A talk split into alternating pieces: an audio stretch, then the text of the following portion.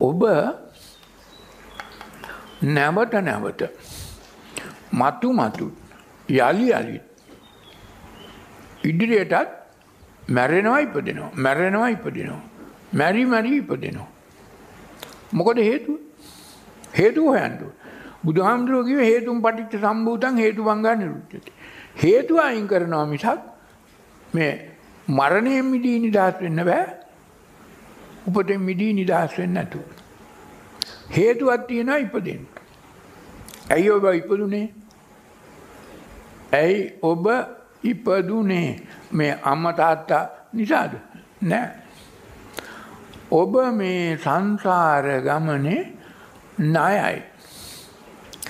ණය ගන්නත් ඉපදෙනවා ණය වෙන්නත් ඉපදෙනවා ණය දෙන්නත් ඉපදෙනවා ණය බේරන්නත් ඉපදෙනවා අලුතෙන් ණය ගන්නත් ඉපදිලා කටයුතු කරනවා.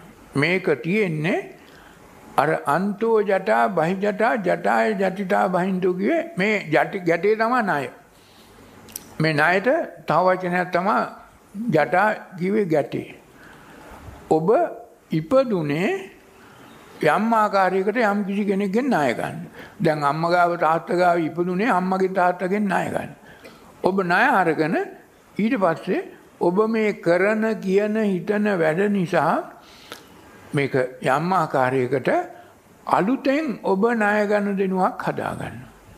එතකොට නැවත අර ඉපදුනේ අම්මගෙන් තාත්තගෙන් ණය ගන්න ණය ගත්තා ඊට පස්සේ ඔබ කරන වැරදි දේවල් නිසා දස අකුසලය නිසා එහෙම නැත්නම් ණය බේරුවේ නැති නිසා ණය ගෙව්වේ නැති නිසා ණය මිදී නිදහස් උනේ නැති නිසා අලුතෙන් ණය ඉතුරු වුණා. ණය ශේෂ වුණා. ණය ශේෂ වෙලා ඔබ මිය පරලොව ගියොත් ආයි ණය ගෙවන්න වෙනවා. ආයි ණය ගෙවන්න තව වරක් ඉපදෙනවා. ආයි ඉපදිලා ආයි කරන මැඩ අනුව ආයි ණය වෙනවා. එතකොට ඔබ හොඳට තේරුම් ගන්න ඕන මේ ණය ගනු දෙනුවක් නිසා තමයි ඉපදෙන්නේ ජීවත් වෙන්නේ මර ණය වෙන්නේ. මාරයට ණය වෙනවා. මේ ණය වෙන්නේ කාටද? මේ මාරයා තමයි මේ ණය ගන්න දෙනුවේ තීරකයා. මර ණය කිව්වේ මාරයටයි මේ මාරයට අයිති දේවල් තමයි ඔබ ණය ගත්තේ. මාරය තමයි ඒක තීරණය කරන්නේ. ඉතින් ඒක නිසා මාරයෙන් සංකල්පයක්. අතු පුද්ගලයෙක් නෙමෙයි නමුත් ওই පස්සේ කාලෙක බෞද්ධ සාහිත්‍යයේ වසවට්ට මාරය අර මාරය මේ මාරය කිව්වට මේක මේ මාරය කියන්නේ සංකල්පයක්. මේ මාරය තමයි මේ ණය ගන්න දෙනුව තීරකයා. නැතුව මේ වෙන කවුරුවක්වත් සර්ව බලධාරියෙක් විශ්වකර්මයෙක් ඒ වගේ ඊශ්වරයෙක් ඒ වගේ කෙනෙක් නෙමේ මේ ඔබට ඔය ඔක්කොම ඔය ඔබ ණය වුණාම ඔබට දුකටපත් වෙන්නේ ඔබ ණයෙන් මිදුණාම ඔබට සැප දෙන්නේ ඔබ මේක ඔක්කොම මේ යම් කිසි ආකාරයක මේ මාර සංකල්පයක් තියෙනවා. ඉතින් ඒක නිසා ඔබ දැනගත යුතුයි ඔබ මේ සංසාරේ නිවන් දකින්න බැරි ඔබට ණය ඉතුරු වෙලා තියෙනවා. ශේෂ වෙලා තියෙනවා. මොකද ඔබ අපි හිතමුකෝ ඔබ මොන මොන හරි කොල්ලා කොහොම කොහොම හරි ජීවත් වෙලා මිය පරලව ගියා කියලා. තව ඉතුරු නම් ණය ගෙවන්න ආයි ඉපදෙන්න ඕන ණය වෙන්න. ණය ගෙවන්න. දැන් ඔබ කල යුත්තේ මේ ජීවිත කාලය තුල ඔබට පුළුවන් මේ අතීතයේ සියලු තැන්වල සියලු ආත්මවල සියලු අවස්ථාවල ඔබ වෙච්ච ණය මේ සතියක් දෙකක් ඇතුළත ගෙවන්න පුළුවන්. අර ඊයේ ප්‍රශ්නයක් ඇහුවනේ කීනම් පුරාණම්. කීනම් පුරාණම් කිව්වේ මේ ණය ගෙවලා දාන එක ක්‍රමයක්. දැන් ඔබ තේරුම් ගත යුතුයි ඔබ මේ ණය කොටසක් තියෙනවා. මේ ණය ගෙවන්න බුදුහාමුදුරුවෝ සූත්‍ර ධර්ම ගණනාවක දේවදූත සූත්‍රයේ ඒ වගේම බාලපණ්ඩිත සූත්‍රයේ මේ වගේ සූත්‍ර ගණනාවක ඒ වගේම තිරෝගුඩ සූත්‍රයේ මෙහෙම සූත්‍ර හතරක පහක බුදුහාමුදුරුව මේ ණය ගෙවන ක්‍රමයක් ක්‍රමවිදි හතරක් දේශනා කළා. මේ ක්‍රම සියලු දේ හතරම අපි එකට සකස් කළා මේ භාවනා වැඩසටහනට ඔබට ප්‍රායෝගිකව මේ ණය මිදී නිදහස් වෙන ක්‍රමය කියා දෙනවා. කරන්න දැන් අද ඉඳන් කරන්න වෙනවා. මේක මෙතෙක් කල් ඔබ අහපු දෙයක් නෙමෙයි. භාවනා වැඩසටහනකට සහභාගී නොවුණු කෙනෙකුට ඔබට කොහේවත් පන්සලකින් ආම්දුරු නමකගෙන් ඔය කියන සම්මත ධර්මයකින් මේක අහන්න බෑ. මේක මේ ණය ගනුදෙනුවෙන් මිදී නිදහස් වෙන ක්‍රමය. පළවෙනි එක තමා කරුණු හතරක් තියෙනවා ණය ගනුදෙනුවෙන් මිදී නිදහස් වෙන්න. ඔබට ණය ගනුදෙනුවෙන් මිදී නිදහස් වෙලා නිවන් දකින්න බෑ. පළවෙනි එක තමා කමා කර ගැනීම. දෙවෙනි එක තමා ආර්ය පරම මෛත්‍රිය පැතිරවීම. තුන්වෙනි එක තමා කැපකොට පින් අනුමෝදන් කිරීම. හතරවෙනි එක තමා ධම්ම අනුධම්ම පටිපදාවේ හැසිරීම. දැන් අපි මේ එකින් එක ගම්මු අපි පොඩි පොතක් හැටියට මේ වගේ පොතක් හැටියට මුද්‍රණය කරලා තියෙනවා. පළවෙනි එක කමා කර ගැනීම. ඔබ මේ සංසාර ගමනේ අනවරාග්‍ර සංසාරයේ ඔබ බොහෝ දෙනෙකුට හිතින් කයෙන් වචනයෙන් නොදැන හෝ දැන හෝ දැන හෝ නොදැන හෝ හිතින් කයෙන් වචනයෙන් ඔබ විසින් ආර්යයන් වහන්සේලාට වචනයෙන් හිතින් කයෙන් වරදක් පාපයක් අවඩක් අසාධාරණයක් කරලා ඇති. විශේෂයෙන්ම ලෞතරා බුදුන්ට පසේ බුදුන්ට අරහතුන් වහන්සේලාට ඒ වගේ ආර්යයන් වහන්සේලා. ඒ වගේම ඊටත් වඩා වැඩියෙන් ඔබ ධර්මයට බුදුන් බුදුහාමුදුරුවෝ දේශනා කරන බුදුහාමුදුරුවෝ දේශනා කර වදාළ ධර්මය ඔබ වැරදි විදිහට භාවිතා කළොත් ඔබ ධර්මය විකුට්ටි කළා විනාශ කළා. ඒත් ඔබ ණය වෙනවා. ඒක බලවත්ම ණයක්. ඒක ආනන්තරීය පාප කර්මයක්. ඒකෙන් මිදෙන්න නිදහස් වෙන්න ලේසි නෑ. තුන්වෙනි එක ඔබ ආර්ය මාර්ගයේ යන සදහැවතුන්ට බික්කු බික්කුණී උපාසක උපාසිකා සෝතාපන්න සකදාගාමි අනාගාමි මාර්ගයන්නේ කටයුතු කරන අයට ඔබ අතින් යම් යම් වරදවල් වෙන්න ඇති. හිතින් කයෙන් වචනයෙන් දැන හෝ නොදැන එවැනි කෙනෙකුට ආර්යෝපාදයක් වුණොත් වරදක් පාපයක් වුණොත් මේකෙන් බලවත් මේක දෙවෙනි එක. මොකද්ද? ධර්මයට කායේන වාචා චිත්තේන පමාදේන මයා කතං අච්චයන් කමමේ ධම්ම සන්දිට්ඨික අකාලික. ඔබ ඔය ගාථාව අහලා ඇති. පළවෙනි එක කායේන වාචා චිත්තේන පමාදේන මයා කතං අච්චයන් කමමේ බන්තේ. බූරිපඤ්ඤ තථාගත. මේ තථාගත ධර්මය දේශනා කරන ලෞතර බුදුරුන්ට ඒ ලෞතරා බුද්ධ ශ්‍රාවකයන්ට අරහතුන් වහන්සේ. දෙවෙනි එක කායේන වාචා චිත්තේන පමාදේන මයා කතං අච්චයන් කමමේ ධම්ම. මේක තමයි වැදගත් මේක. බලවත් මේක. මේක අනන්තරිය පාප කර්මයක්. ධර්මයේ විකුටි කළ දැන් බුදු කෙනෙක් බුද්ධත්වයට පත් වෙලා දේශනා කරන ධර්මයේ නිසායි සියලු ලෝකවාසීන් නිවන් දකින්නේ. ධර්මයේ දේශනා නොකළා නම් එතන හරයක් නැහැ තමන් විතරයි නිවන් දකින්නේ. නමුත් මේ ධර්මය තමා බුදු කෙනෙක් දේශනා කරන ධර්මය තමා සියලු දෙනාට වටින්නේ. ඔබ සියලු දෙනාට වටින්නේ. අපි සියලු දෙනාට වටින්නේ. ඒක නිසා යම් කෙනෙක් ධර්මය එක අකුරකින් ඇලපිල්ලකින් ඉස්පිල්ලකින් පාපිල්ලකින් විකුට්ටි කරොත් වෙනස් කරොත් එහෙම කරලා තියෙනවා. එහෙම කරගෙන තියෙනවා කරලා තියෙනවා. ඒක නිසා කමා කරගන්න ඕන. කායේන වාචා චිත්තේන පමාදේන මයා කතං අච්චයන් කමමේ ධම්ම. මේ ධර්මය තමා බොහෝ දෙනෙක් ඔය අතීතේ අටුවා ටීකා ටිප්පණි ලියලා වෙන වෙන අරුත් ඇතිව ලියලා තව බොහෝ දෙනෙක් පොත්පත් ලියලා දේශනා කරලා මේ ධර්මය විකුට්ටි කරලා තියෙනවා.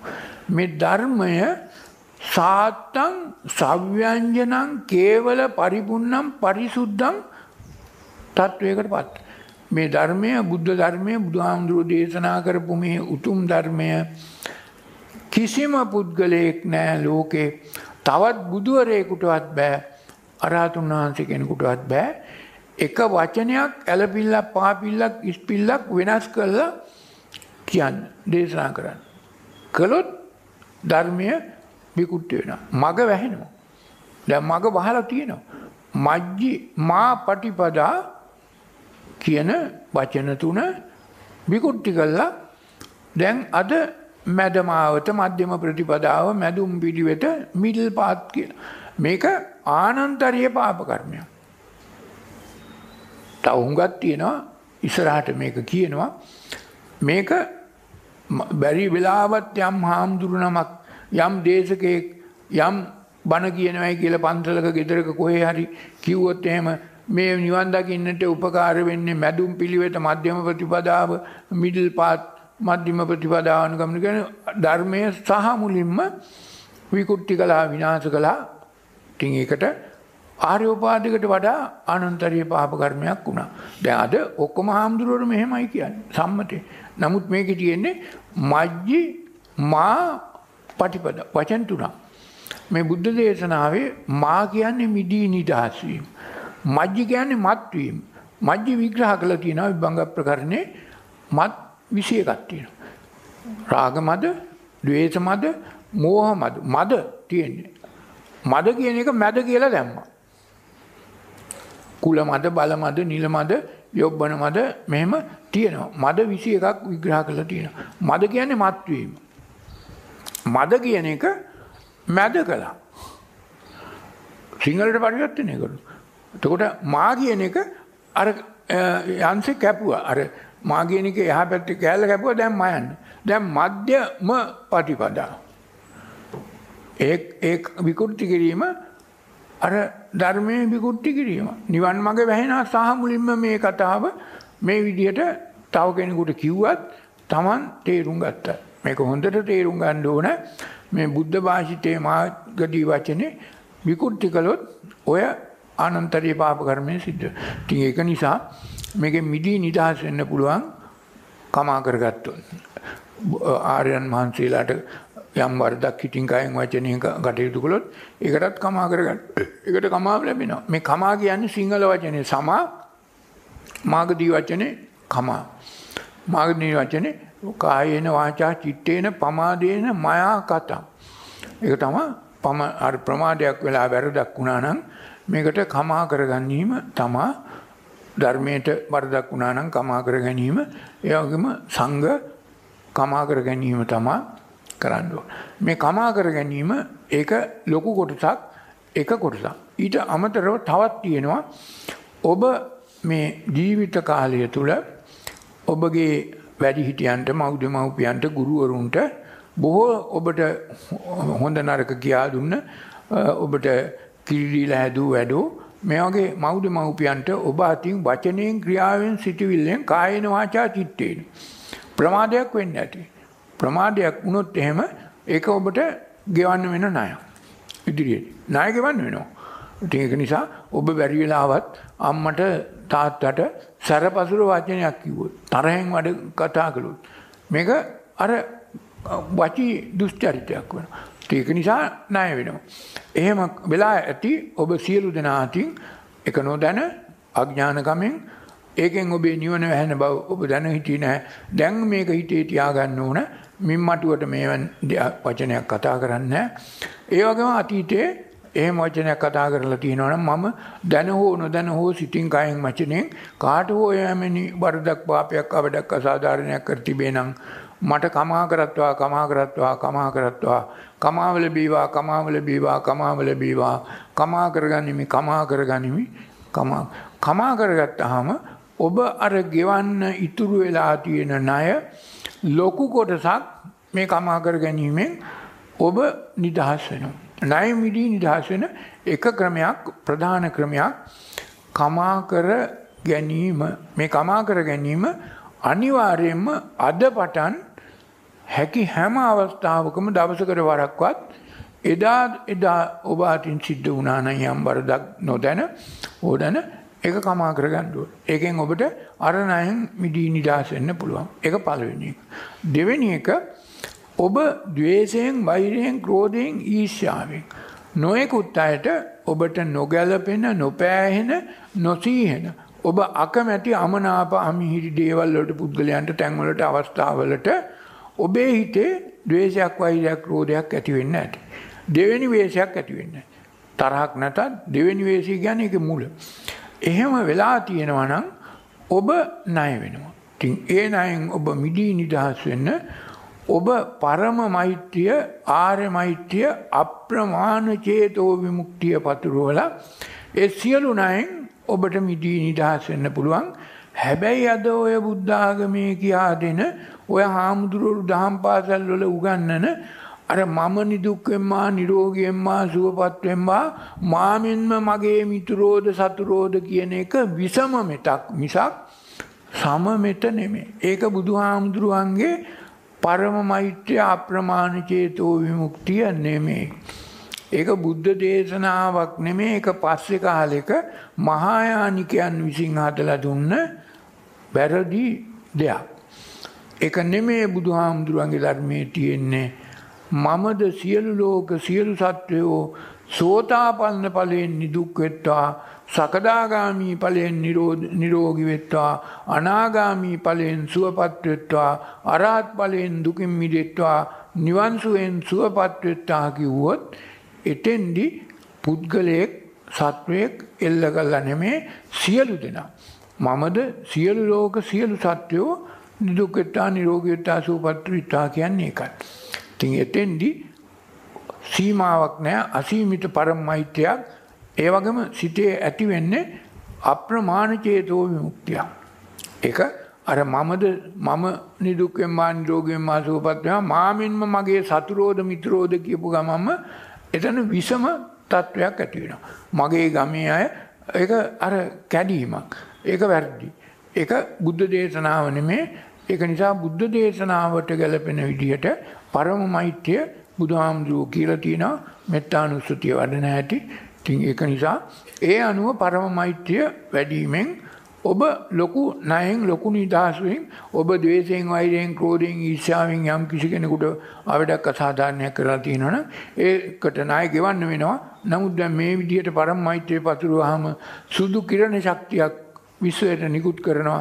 ඒ අනුව ඔබට පුළුවන් ආපෝ තේජෝ වායෝ පඨවි මහා භූත හතර පිරිසිදු කරන්න. ඔබ මෙතෙක් කල් කලු කිරණ ශක්තියක් නිකුත් කළ. අර ද්වේෂයෙන් වෛරයෙන් ක්‍රෝධයෙන් ඊර්ෂ්‍යාවෙන්. ඒ කලු කිරණ නිසා ආපහු ඔබටයි ඒක ඔබේ නිවනයි වැහෙන්නේ අඳුරු වෙන්නේ.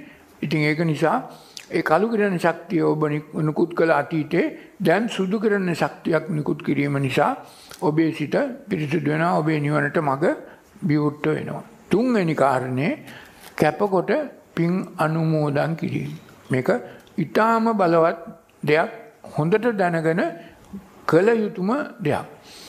ඔබ මේ සංසාර ගමනේ අතීතයේ අනන්ත අප්‍රමාණ ආත්මවල ඔබට මව වූ පියා වූ සාම්පුරුෂයා වූ භාර්යා වූ සීයා ආච්චි සහෝදරයන් දූ දරුවන් මේ වගේ බොහෝ දෙනෙක් ඔබට අතීතයේ ඉන්න ඇති මේ ජීවිත කාලෙත් ඔබේ අම්මා තාත්තා මිය පරලොව යන්නේ නැති සීයා ආච්චි සාම්පුරුෂ භාර්යාවත් සමහර විටක තව මේට පෙර ආත්මවලත් බොහෝ දෙනෙක් මිය පරලොව යන්නට ඇති. මේ මිය පරලොව ගිය අය යම් හේතුවක් නිසා යම් ප්‍රමාද දෝෂයක් අඩුවක් නිසා ඒ මිය පරලොව ගිය අය අර පෙට්ටි විශේ පරදත් උපජීවීන් හැටියට. එහෙම නැත්නම් භූතයෝ, පෙරේතයෝ මිත්‍යා දෘෂ්ටික දෙවියෝ රූපී බ්‍රහ්මයෝ වගේ අය. ඒ අයට පින්කමක් කරගන්න ඒ අයටම පුළුවන් කමක් නැහැ. ඒ අය අනුන් දෙන පිනෙන් යැපෙන අය. පරදත් උපජීවීන් පෙට්ටි විශේෂ කිව්වේ එකයි. එහෙම අය ඔබේ නායකාරු. ඔබේ අම්මලා තාත්තලා. දැන් මේ ජීවිත කාලේ තුල අම්මා තාත්තා වෙන්නත් පුළුවන්. මීට ඉස්සෙල්ලා ජීවිත කාලයක ඒත් අම්මා තාත්තා. මේ ජීවිත කාලයේ අම්මා තාත්තා හා සමානමයි මීට ඉස්සර ජීවිත කාලෙත් අම්මල තාත්තලා හිටියා. එයාත් අම්මල තාත්තලා. එහෙම යම් කිසි කෙනෙක් ඔබේ ඥාතියෙක් යම් ආකාරයකට ඒ වගේ පරදත් උපජීවීන් එහෙම නැත්නම් ඒ භූතයෝ පෙරේතයෝ වගේ අය වෙලා ඉන්නවා නම් ඒ අයට අද පින්කමක් කරගන්න බෑ හැබැයි ඒ අයට තියෙනවා ඉවක් ඉව කියන එක තියෙන්නේ ඒ ඉවෙන් දන්නවා අනේ මගේ පුතා අනේ මගේ දුව අද පින්කමක් කරනවා. අද පින්කමක් කරලා මට අවසානයේ පින් දෙයි පින් පවරයි මාව මුදවා නිදහස් කරගනි මට උපකාර වෙයි උපකාර කරයි කියලා.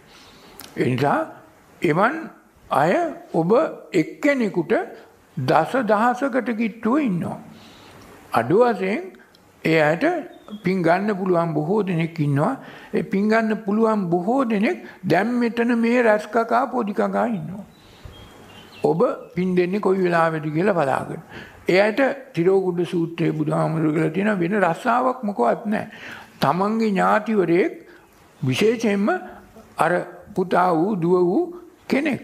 ඔබ ඒ ඔබේ අම්මා තාත්තා, එක ඔබේ සීයා ආච්චි, එක ඔබේ ස්වාමි පුරුෂයා භාර්යාව දැන් එහෙම කෙනෙක් මිය පරලොව ගිහිල්ලා ඒ භූතෙක් පෙරේතෙක් දෙවි දේවතාවෙක් භූමිට වුණාම එයා ඇවිල්ලා බලා ඉන්නවා මට දැන් පින් දෙයි දැන් පින් දෙයි දැන් මාව මුදවා නිදහස් කරයි මට උපකාර කරයි උදව් කරයි කියලා. ඉතින් එහෙම කෙනෙක් ඔබ සිහිපත් කළා ඒ අයට කැපකොට පින් අනුමෝදන් කළා ඒ අයව මුදවා නිදහස් කරන චේතනාව. ඒ සියලු දෙනා සිහිපත් කළා පින් අනුමෝදන් කරමි අනුමෝදන් වෙත්වා නිදහස් කරමි නිදහස් වෙත්වා. කියන පිරිසිදු චේතනාවෙන් කැපකොට පින් අනුමෝදන් කළ යුතුයි. පින් දිය යුතුයි. පින් පවරා පිහිටවා කටයුතු කළ යුතුයි. මේක අද සම්මත පන්සල් වල මේක බින්දුවක්කත්. එක පැහැදිලිව කියන්න ඕන අද කාටද පින් දෙන්නේ. හොඳට කල්පනා කරලා බලන්න ඔබේ ගෙදර දානයක් තියෙන්නේ නැති පින්කමක් තියෙන්නේ නැති පිරිතක් දානයක් තියෙන්නේ නැති කාටද පින් දුන්නේ? පින් වාක්‍යයක් කියලා හාමුදුරුවෝ කාටද පින් දුන්නේ? මෙහෙමයි පින් වාක්‍ය අනේ මේ පින්වතුන් බොහොම හොඳ පින්කමක් කරගත්තා. හොඳ දානයක් දීලා හොඳ පින්කමක් කරගත්තා. ඒ නිසා මේ පින්වතුන්ට නන්දා මල්ලිකා සුමනා සුනන්දාමෙන් භෝග සම්පත් ධන සම්පත් ලබන්නට අර සම්පත් මේ සම්පත් ලබන්නට දෙව් මිනිස් සැප කෙලවර මතු බුදු වන බුදුන් දකින්නට මේ පින හේතු ආසනා වේවා උපකාර ප්‍රාර්ථනා. කාටද පින් දුන්නේ? මොකද කළේ? අකුසලයක් කරගත්තා. පුඤ්ඤාභි සංකාරයක් කරගත්තා.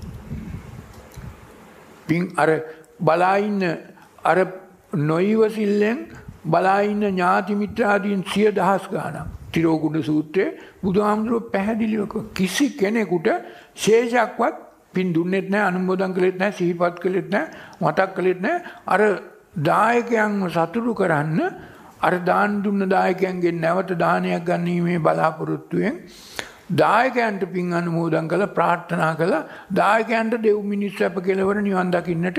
එහෙම නැත්නම් අර වයසක උපාසකම්ලට නම් අර දැන් බොහොම අමාරුයි. ඒක හින්දා අර නන්දා මල්ලිකා සුමනා සුනන්දාමෙන් භෝග සම්පත් ධන සම්පත් රූප සම්පත් රත්තරම් බඩු ලැබෙන්නට මේ පින හේතු වේවා වාසනාව වේවා කියලා ප්‍රාර්ථනාවක් කරනවා. මේක කළාම මේ සංසාර ගමන දික් වෙනවා. මොන තරන්නම් විනාශයක්ද විපාකයක්ද තේරුමක් නැතුව අඥාන කමින් කරන වැඩක්. සියලු සම්මත පන්සල් වල ඕක කරන්නේ. ඕක මේ මහායාන බුද්ධ ආගමේ දෙයක්. මේක බුදුහාමුදුරන්ගේ දෙයක් එහෙම නෙමෙයි මහායාන බුද්ධ ආගමේ සද්ධර්ම පුණ්ඩරික සූත්‍රයේ 19 20 පරිච්ඡේදවල තියෙන්නේ මේක. ඉතින් ඒක තමයි මේ ලංකාවට බුද්ධ ආගම ආවා ඉන්දියාවෙන් ඉන්දියාවේ තමයි බුද්ධ ආගම හැදුනේ ඉපදුනේ බුද්ධ ආගමක් හැදුනේ ඉපදුනේ දියුණුනේ ඉන්දියාවේ ඉන්දියාවෙන් බුද්ධ ආගම ගෙනාව ලංකාවට ඔන්නවා තියෙන්නේ ඒකේ. නමුත් මේ බුදුහාමුදුරන්ගේ ධර්මයේ ඉන්දියාවෙන් කොහෙන්වත් ආවේ නැහැ. බුද්ධ ධර්මය මේ හෙළබිමේ උපන් ධර්මයක් මේ බුද්ධ දේශේ. ඉතින් මේක හොඳට තේරුම් ගන්න ඕන අද මේ ලංකාවේ තියෙන්නේ ඔය සම්මත පන්සල් වල සියලු තැන්වල බුදුහාමුදුරුවෝ දේශනා කරපු වචන ටික පාවිච්චි කළා අර ඉන්දියාවෙන් ගෙනාපු බුද්ධ ආගමක් තමා අදහන්නේ විශ්වාස කරන්නේ භාවිතා කරන්නේ කරන කියන සියලු දේ කරන්නේ. බුද්ධ දේශනාව මෙහෙම නැහැ පින්කම් කරලා නිවන් දකින්න පුළුවන් කියලා.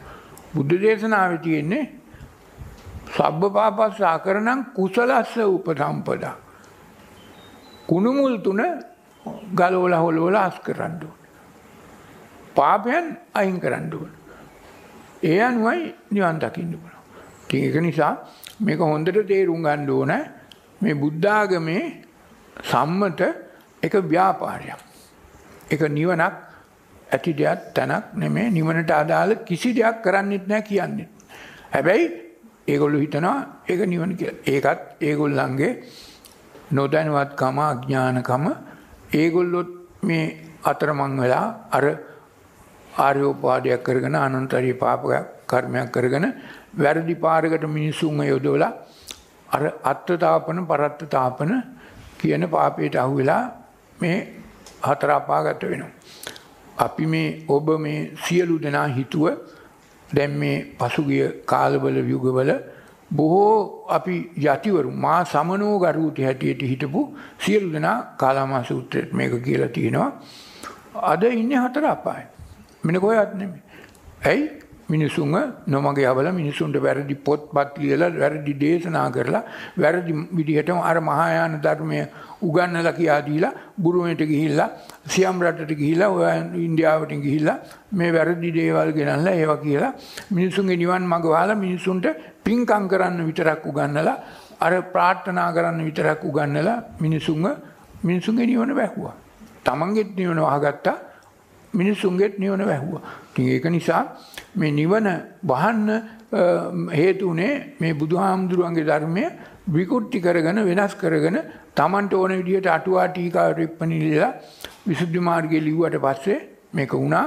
ඒ අනුව තමයි අද මේ බුද්ධ ආගමක් හැටියට බුද්ධ ධර්මය අද නෑ රටේ. බුද්ධ ධර්මයේ තියෙනවා නම් අද ඔබේ මුතුන් මිත්ත බොහෝ දෙනෙක් නිවන් දැකලා. නමුත් ඒ අයට කාටවත් නිවන් දකින්න බැරි වුණේ ඔබේ මවුඩි මව්පියන් මුතුන් මිත්තන්ට මේ ආගම නිසා. ආගම පැවැත්මට ධර්මය නැවැත්මට. මේක හොඳට තේරුම් ගන්න ඕනේ. ඒක නිසා සියලු දෙනා මේ කැපකොට කමා කරගන්න ඕන පරමයිත්‍ය පතුරවන්න ඕන කැපකොට තමන්ගේ ඥාතීන්ට මේ අද ඉඳන් පුළුවන් හැම වෙලාවෙම පින්කමක් කරපු හැම වෙලාවකම අවස්ථාවකම ඒ ඔබේ ඥාතීන්ම මුදවා නිදහස් කිරීමේ චේතනාවෙන් කැපකොට පින් අනුමෝදන් කළා. ඔබ ණයෙන් මිදී නිදහස් වෙන්න ඕන. ඒ අයව මුදවා නිදහස් කරන්න එතකොට ඒක ඔබටත් යහපත්. ඒ ඥාතියටත් යහපතක් වෙනවා. ඔබ පින්කමක් කරන හැම අවස්ථාවකම මොහොතකම ඒ ඥාතීන් සිහිපත් කළා. ඒ ඥාතීන්ට කැපකොට පින් අනුමෝදන් කළා. ඒ අයව මුදවා නිදහස් කරන්න ඕන. ඒ අයව කවදා හෝ මුදවා නිදහස් කරනකම් ඔබ ණය ගෙවන්න ඕන. ඉතින් ඒක නිසා ඒ අය මුදවා නිදහස් කරනකොට ඔබට පුළුවන්කම තියෙනවා මිදී නිදහස් වෙන්න. ඔබට පුළුවන්කම තියෙනවා නිවන් මගඵල ලබන්නට පාර විවුර්ත කරගන්න. මේ කරුණු තුන හරියට කරනවා නම් ඒක ධම්මානුධම්ම ප්‍රතිපදාවේ හැසිරීම ඒ අනුව ඔබට ඔබේ නිවන් මඟ කවදක්වත්ම වෙන්න හැබැයි දැන් අපි මෙහෙම පොතක් ලියලා තිනවා. දැන් මේ පොත ආයතරයක් ඩොක්ටර් ගයනි පොඩ්ඩක් සංස්කරණය කළ අලුතෙන් මීට වැඩී ලොකු පොතක් හැටියට ලියලා තිනවා. ඒ පොත වුණත් මේ පොත වුණත් පොත විතරක් කියවලා පොත පාඩම් කරගෙන පොත කියවලා හරියන්නේ මේක හොඳට තේරුම් ගන්න ඕනේ මේ පොත කියවලා දැන් මේ පොත ලක්ෂ ගාණක් ගහලා මුද්‍රණය කරලා බෙදලා දීලා තියෙනවා මම දැනුවත් සහ නොදැනුවත්. මගෙන් අහන්න නැතුව බොහෝ දෙනෙක් පොත මුද්‍රණය කරලා බෙදලා මේ පොත දැන් මිනිස්සු කියවනවා. හැබැයි මිනිසුන්ට තේරලා තියෙනවා මේ නායකයන් දෙනුවෙන් මිඩි නිදහස් වෙන්න ඕන කියලා. ඒ වුණාට මේ පොත කියවුවාම අර කැපකොට පින් අනුමෝදන් කළේ නැතුවහම අර පරම මෛත්‍රිය ආර මෛත්‍රියක් හැටියට පෙරටුවේ නැතුවහම ඒ වගේම කමා කර ගැනීම නියම වශයෙන් කළේ නැතුවහම පොත කියවට විතරක් හරියන්නේ මේක අවංකව මුළු හදවතින්ම දැනම තේරුවක් ඇතුවම මේ ණය මිදී නිදහස් වන චේතනාවෙන්ම මේක පොත කියවලා තේරුම් අරගෙන පොත පැත්තකින් වහලා පිරිසිදු සිතක් ඇති කරගෙන තුන් සිත පහදාගෙන කමා කරගන්න ඕන. පරමයිත්‍ය පතුරවන්න ඕන කැපකොට පින් අනුමෝදන් කරන්න ඕන. ඒ අනුව ධම්මානුධම්ම ප්‍රතිපදාවේ හැසිරෙනකොට ඒකෙන් මිදී නිදහස් වෙනවා නමුත් එකක තැනකදී හෝ වරදක් වුණා නම් කැපකොට පින් අනුමෝදන් කරේ නැත්නම් කමා කරගත්තේ නැත්නම් මේ වගේ දේවල් නිසා අර ඔබේ ඥාතීන් අර පින් ගන්න බලා ඉන්න අයට ලැබුණේ නැතුවම ඒ අය උරණ වෙන්න පුළුවන්. හිතිය තත්වයටත් වඩා ඔබ භයානක තත්වයකට පත් වෙන්න ඉඩ තියෙනවා. ඔබට නැති කරදර එන්නත් පුළුවන්. ඉතින් ඒක නිසා මේක පොත කියවීම විතරක් ප්‍රමාණවත් වෙන්නේ නැහැ. හරියටම නිවැරදිව මේක මේ කාර්යයන් තුන කමා කර ගැනීම පරමෛත්‍ය පැතිරවීම කැපකොට පින් අනුමෝදන් කළා එයව මුදවා නිදහස් කිරීම.